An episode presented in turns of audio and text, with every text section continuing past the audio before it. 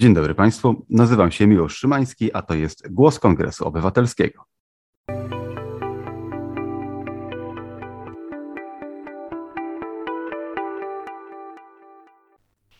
Dziś porozmawiamy o globalnej sytuacji rolno-żywnościowej.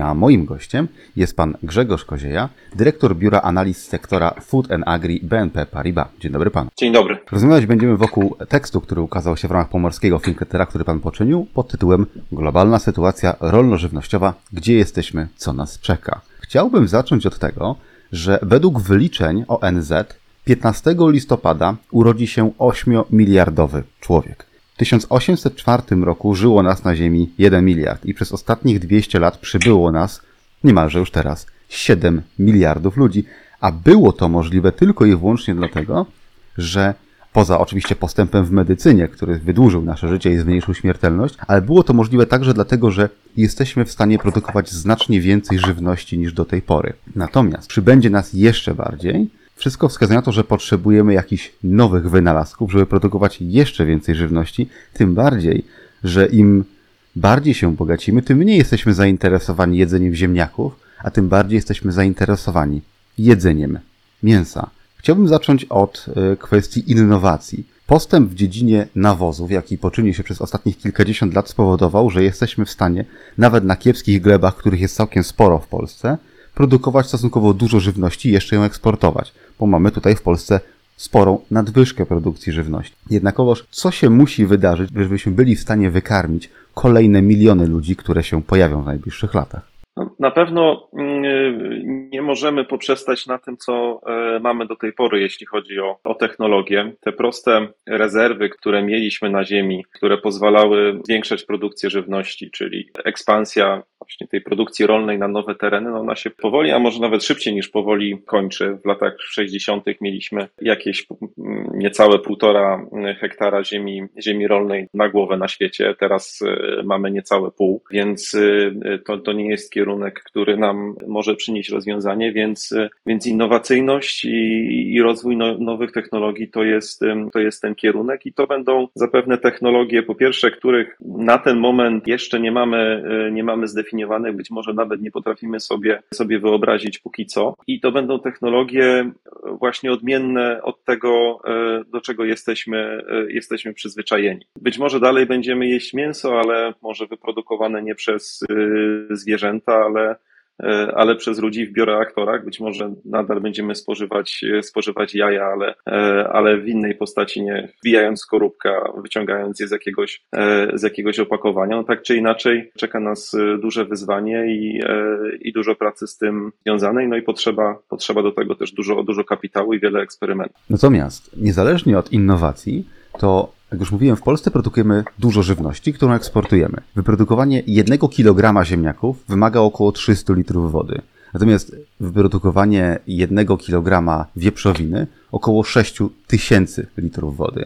Byłem w lipcu tego roku nad Zalewem Solińskim, który właściwie należałoby nazwać kałużą solińską bardziej. San w tym roku niemalże zniknął e, na, na kilka tygodni. Piję do tego, że Eksportując żywność, eksportujemy także wodę w pewnym sensie z Polski. Już w tej chwili są problemy z suszą i zastanawiam się, czy dałoby się coś zrobić, żeby albo z jednej strony produkować mniej żywności, bo pozbywamy się wody, która jest nam niezbędna, albo też produkować żywność używając mniejszej ilości wody. No to jest jedno z tych e, właśnie wyzwań, które musimy, e, musimy rozwiązać, czyli, e, czyli duże zużycie wody przy, przy produkcji rolnej czy przy produkcji żywności.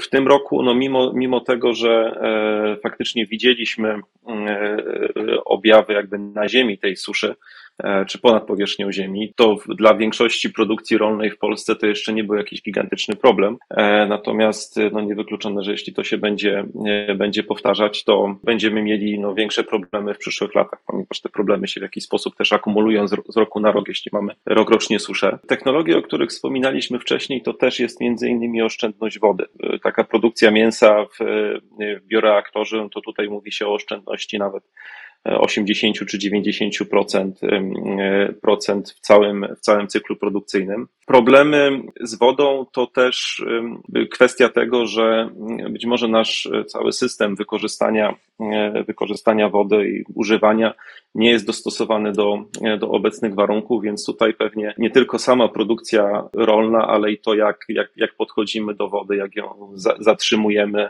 jak ją przechowuje, przechowujemy, to też, jest, to też jest kwestia do rozwiązania, więc cały ten system produkcji żywności no, jest otoczony wieloma innymi aspektami. I te technologie, które i mówiąc o rozwoju technologicznym sektora, sektora żywności, no, musimy pamiętać, że to jest właściwie można powiedzieć nawet wyzwanie ogólno, ogólnogospodarcze e, i to nie na poziomie krajowym, ale, ale przynajmniej regionalnym, e, kontynentalnym.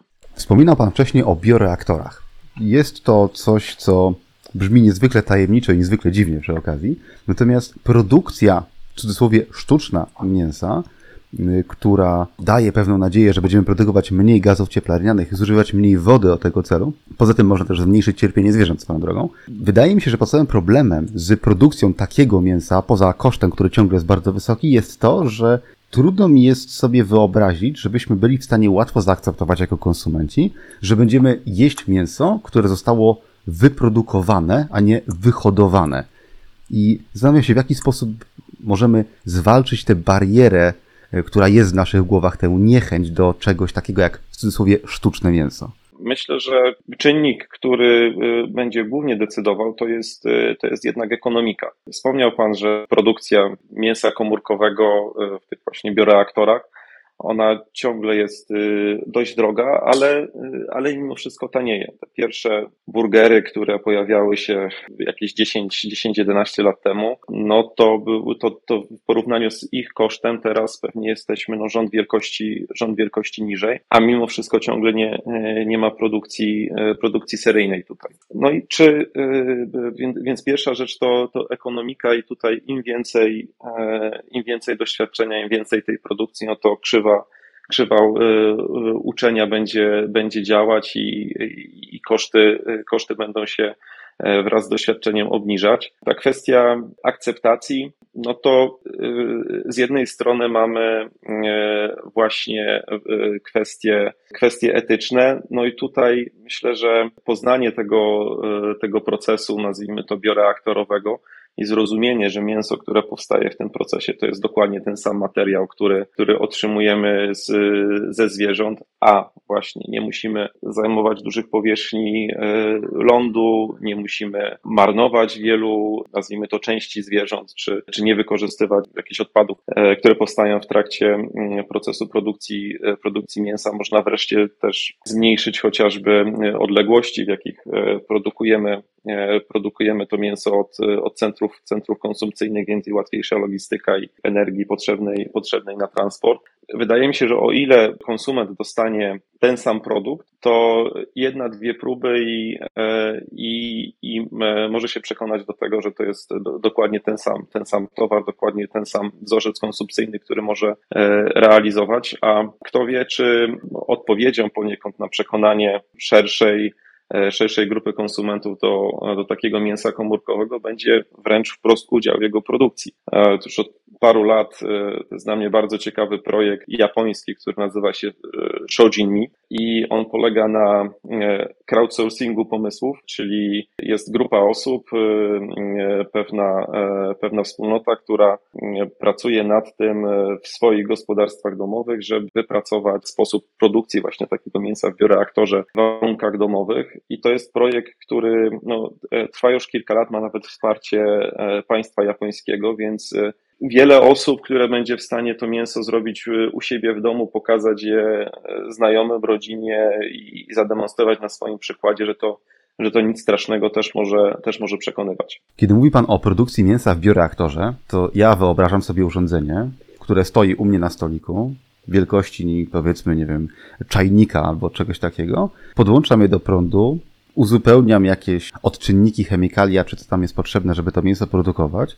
Następnie umieszczam w nim jakieś komórkę macierzystą e, mięśnia, na przykład e, wieprzowego. I czekam kilka dni czy tygodni, aż te komórki się namnożą, tworząc kotleta. Czy to jest coś ten deseń? E, no, myślę, że docelowo to tak mogłoby działać. Widzimy to już nawet w dość masowej sprzedaży takie e, urządzenia, które nam mają wytwarzać szczególnie liściaste jakieś warzywa w domu. Więc myślę, że chociażby celem takiego projektu, jaki wspomniałem, to jest, to jest właśnie doprowadzenie do takiego, do takiego stanu. Więc jak może mamy w pamięci film Powrót do przyszłości i wycieczkę, e, wycieczkę w przyszłość właśnie i oglądanie, która swoją drogą minęła chyba, e, jeśli chodzi o rok, w którym to się wszystko działo, no to takie, taka kuchnia mikrofalowa czy akwarium, do którego wprowadzałoby się składniki i czekało na wzrost, na wzrost pokarmu, to jest, e, to jest pewnie taki docelowy sposób zaoferowania e, konsumentowi czegoś takiego jak, jak mięso komórkowe. Jeżeli chodzi o powrót do przyszłości, to zdaje się, tam akcja toczyła się w 1985 roku, a potem chyba w 2015 czy coś takiego. Ciekawostka jest taka, że według twórców e, kreskówki Jetsonowie George Jetson urodził się w sierpniu 22 roku, także gdzieś już między nami tutaj jest. Natomiast wracając do kwestii produkcji żywności, ja tutaj dostrzegam pewne szanse, ponieważ gdybym ja był w stanie produkować mięso w swoim domu, gdyby każdy by miał po prostu takie urządzenie w domu, tak jak mamy wszyscy pralki, czy telewizory, czy komputery, to sprawia to, że po pierwsze ja to mam u siebie, czyli nigdzie nie muszę go szukać, czyli nikt nie musi mi tego mięsa przywozić, czyli nie trzeba hodować tych zwierząt, które swoją drogą produkują dużo gazów cieplarnianych, szczególnie krowy. Nawiasem mówiąc, zdaje się, że 4% energii dostarczanej w pokarmie krowom jest zamieniane w mięso, ponieważ resztę energii krowa pożytkuje po prostu na funkcjonowanie, na życie. W związku z powyższym mamy tutaj do czynienia, patrząc na to z takiej dosyć bezdusznej perspektywy oczywiście, mamy tutaj do czynienia z gigantycznym marnowaniem energii, bo 96% energii dostarczanej w pokarmie dla tej krowy nie idzie na wyprodukowanie mięsa. Tymczasem, mając bioreaktor w domu, ja pożytkuję, no dobra, nie wiem jaką ma sprawność takie urządzenie, podejrzewam, że oczywiście nie 100%, ale na znacznie więcej niż 4%.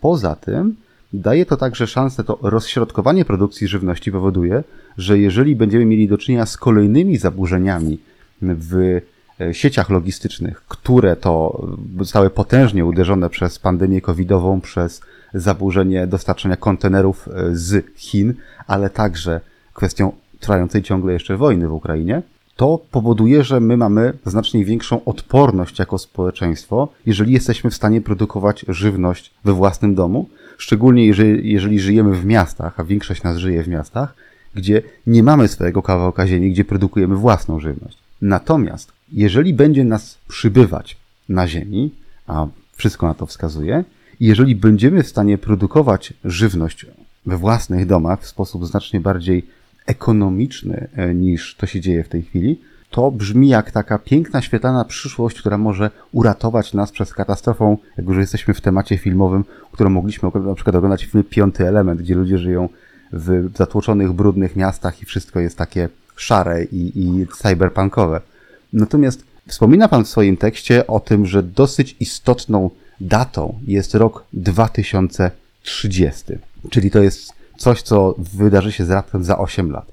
Czy mógłby Pan powiedzieć coś więcej na ten temat? Tak, no rok 2030 to jest data wskazana przez e, Komisję Europejską jako, jako taka docelowa data dla zaimplementowania założeń Europejskiego Zielonego Ładu. E, i w ramach e, Europejskiego Zielonego Ładu strategii e, od pola do stołu, która wiąże się z, z kilkoma tak fundamentalnymi zmianami w, w dozwolonej czy rekomendowanej technice rolniczej. No jest to data, która mm, ma też swoje podstawy naukowe, bo mamy potężne raporty, które analizują zmiany klimatyczne i wskazują, że no to jest, to jest taka data, która E, do której trzeba zrealizować pewne, pewne czynności, aby uchronić się przed pogorszeniem środowiska życia dla, dla człowieka. Kłopot polega na tym, że to, o czym, o czym rozmawialiśmy, czyli te bioreaktory w każdym domu, to jest dość, dość odległa jeszcze, jeszcze przyszłość. Natomiast biorąc pod uwagę obecną, obecną technologię, no to wprowadzenie, czy obecne praktyki rolnicze, wprowadzenie od zaraz, od dziś rekomendacji strategii od pola do stołu wiązało, wiązałoby się ze spadkiem, e, spadkiem plonów i z mniejszą, z mniejszą ilością żywności w, w efekcie, co szczególnie w obecnej sytuacji, którą przed chwilą nakreśliliśmy w wojnie w Ukrainie, wojnie w Ukrainie przerwaniu łańcuchów dostaw, czy ich naprężeniu w związku, w związku z COVID-em wcześniej, no to budzi, budzi uzasadnioną obawę. Zresztą powinno budzić uzasadnioną obawę nawet, nawet w momencie, jeśli byśmy tych, tych wydarzeń, wydarzeń nie mieli. Więc ośmioletnie okno, okno czasowe, które mamy, no musi być poświęcone na opracowanie mm, sposobów działania, które by no, zabezpieczyły nas przed, przed gwałtownym spadkiem produkcji żywności. I tu jedna kwestia to, to, to technologia, a w zasadzie jak widzimy w ostatnich latach, 8 lat to, to jeśli chodzi o, o taki obszar nowoczesnych technologii, to jest, to jest dużo czasu, w każdym razie nie mało, ale mm, i tutaj też pewnie się trzeba zastanowić nad mm, tym, co uprawiamy, gdzie i jak możemy zastosować szerzej właśnie technologie, które już mamy na ten moment, czyli rolnictwo precyzyjne, i wszelkie inne metody, które by nam pozwalały zwiększać efektywność e, upraw już na, e, już na dostępnych terenach i to, e, i to terenach blisko nas. Czy jeszcze kolejna rzecz, produkowanie mm, czy skupienie się na uprawie roślin, które są bardziej efektywne energetycznie, dostarczają większy wolumen żywności niż taka produkcja, którym steruje raczej, raczej przeszłość niż, niż te wyzwania, które mamy w przyszłości. Dobrze, a ja chciałbym w takim razie złośliwie zapytać, a co jeśli nam się to nie uda? Co się w takim razie stanie po 2030 roku? Przede wszystkim będziemy musieli naprawiać y, świat w dużo gorszych warunkach niż, y, niż mamy obecnie. Patrząc chociażby na y, sytuację, czy, czy kontekst sytuacji, w której znaleźliśmy się po wybuchu wojny w Ukrainie.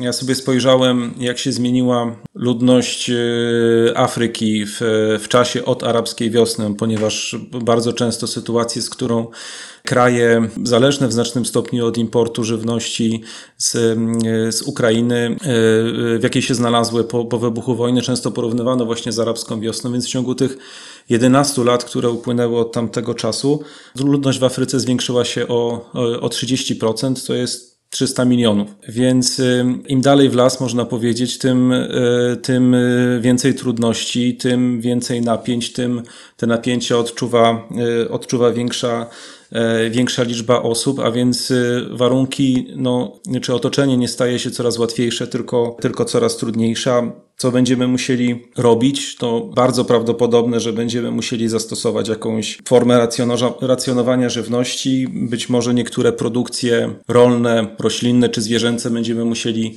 E, że tak powiem, na twardo usunąć system, bo one po prostu będą mieć zbyt wysoki koszt klimatyczny. Znajdziemy się w świecie, w którym jeszcze wyraźniej będzie widać, że mm, te wszystkie działania, nazwijmy to proekologiczne, proklimatyczne, to tak naprawdę nie jest ochrona e, klimatu, tylko, e, tylko ochrona człowieka, bo klimat sobie poradzi, potrzebuje pewnie kilku, może kilkudziesięciu milionów lat i, i wróci do, równo, do równowagi i Ziemia jako taka przetrwa. Natomiast ludzie bez, bez odpowiednich warunków do życia nie, nie przetrwają. No i postęp w tym świecie, e, który powstanie po tej, po tej naszej pasywności, to być może będzie oznaczał nie to, że mamy coraz szerszy wybór, coraz większą konsumpcję, ale po prostu to, że będziemy sobie w stanie zapewnić e, wystarczającą e, liczbę kalorii, wystarczającą liczbę składników e, odżywczych dla wszystkich, czy dla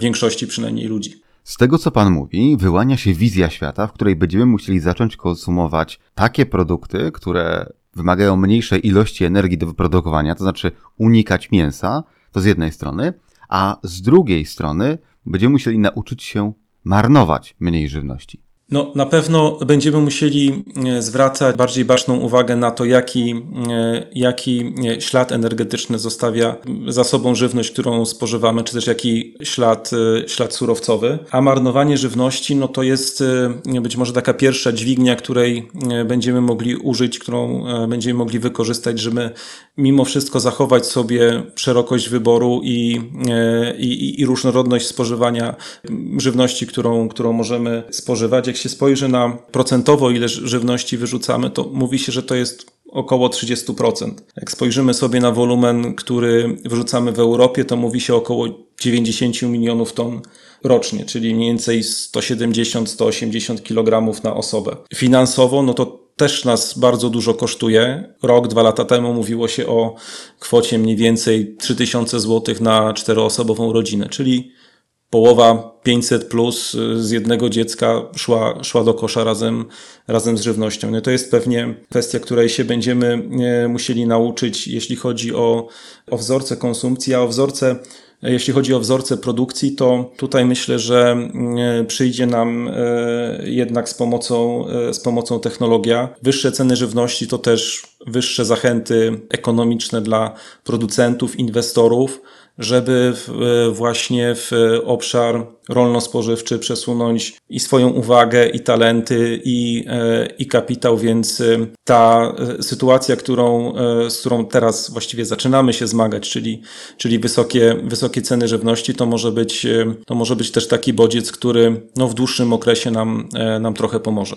Nie słyszę w pańskim głosie paniki, więc wydaje mi się, że chyba to, co musimy teraz zrobić, to konsumować inaczej, produkować lepiej, poprawić bardzo wiele rzeczy, ale nie brzmi to wszystko jak jakaś rewolucja. Brzmi to jak coś, co jesteśmy w stanie zrobić, my jako ludzkość. Tak, ja tutaj staram się, staram się nie panikować, tylko, e, tylko szukać rozwiązań i pewnych, pewnych analogii też z przeszłości, które udowadniają, że właśnie wysoki e, poziom zachęt, ale nie dotacji, pewnego, pewnego rodzaju kroplówki dla, e, czy dopingu dla, e, dla e, określonych działań, tylko takie zdrowe, zwyczajne zachęty ekonomiczne to jest coś, co, e, co może pomagać, co, co właśnie przyciąga innowatorów e, i, i pozwala znajdować, e, znajdować rozwiązania. Ja lubię odwoływać się tutaj do przykładu rynku energii czy, czy paliwowego. Mniej więcej w połowie lat 2000, e, pierwszej dekady XXI wieku mieliśmy do czynienia z e, bardzo wysokimi cenami, cenami ropy naftowej. I w momencie, kiedy ceny, ceny ropy naftowej były bardzo wysokie, okazało się, że opłaca się eksperymentować i opłaca się mieć nawet nieudane eksperymenty, żeby, żeby poszukiwać, poszukiwać nowych, nowych rozwiązań. I to nam zaowocowało skomercjalizowaniem wydobycia gazu i ropy, ropy z łupków, co nam zupełnie przemodelowało e, rynek energii na świecie i e, dodatkowo spowodowało, że no nie mieliśmy do czynienia e, z ropą naftową po 200 czy 250 dolarów, tak jak to się wtedy prognozowało, tylko z tańszym, z tańszym surowcem, więc Wierzę, wierzę w e, zdolność nas wszystkich do dostosowania, do, e, do postępu i właściwie mogę powiedzieć, że jestem, że jestem przekonany, że, e, że technologia może, może znaleźć rozwiązanie tej trudnej sytuacji, tylko musimy stworzyć warunki, żeby mogła ona wyczuć, wyczuć tutaj swoją szansę. Myślę, że tym optymistycznym akcentem możemy zakończyć naszą rozmowę. Ja pięknie panu dziękuję. Bardzo dziękuję. A moim gościem był pan Grzegorz Kozieja, dyrektor Biura Analiz Rolno-Spożywczych Banku Paribas.